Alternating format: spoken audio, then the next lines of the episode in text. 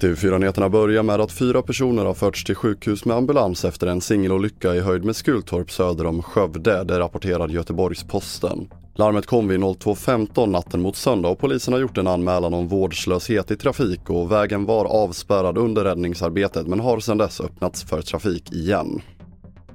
Vi fortsätter med att en man i 40-årsåldern har dömts till villkorlig dom av Göteborgs tingsrätt i det första målet efter att skärpningen av sexköpslagen trädde i kraft den 1 augusti, det rapporterar Sveriges Radio Ekot.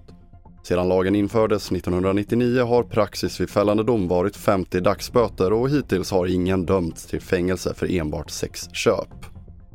Och så avslutar vi med att kung Charles nu är formellt utnämnd till kung i flera länder. Han är formellt Kanadas monark efter att förklaringen läses upp högt i Rideau Hall i Ottawa och följdes av 21 salutskott och Charles III är även formellt kung i Nya Zeeland där God Save the King sjöngs i huvudstaden och 21 skott avfyrades i salut. Och även i Australien är han nu officiellt kung efter en liknande ceremoni.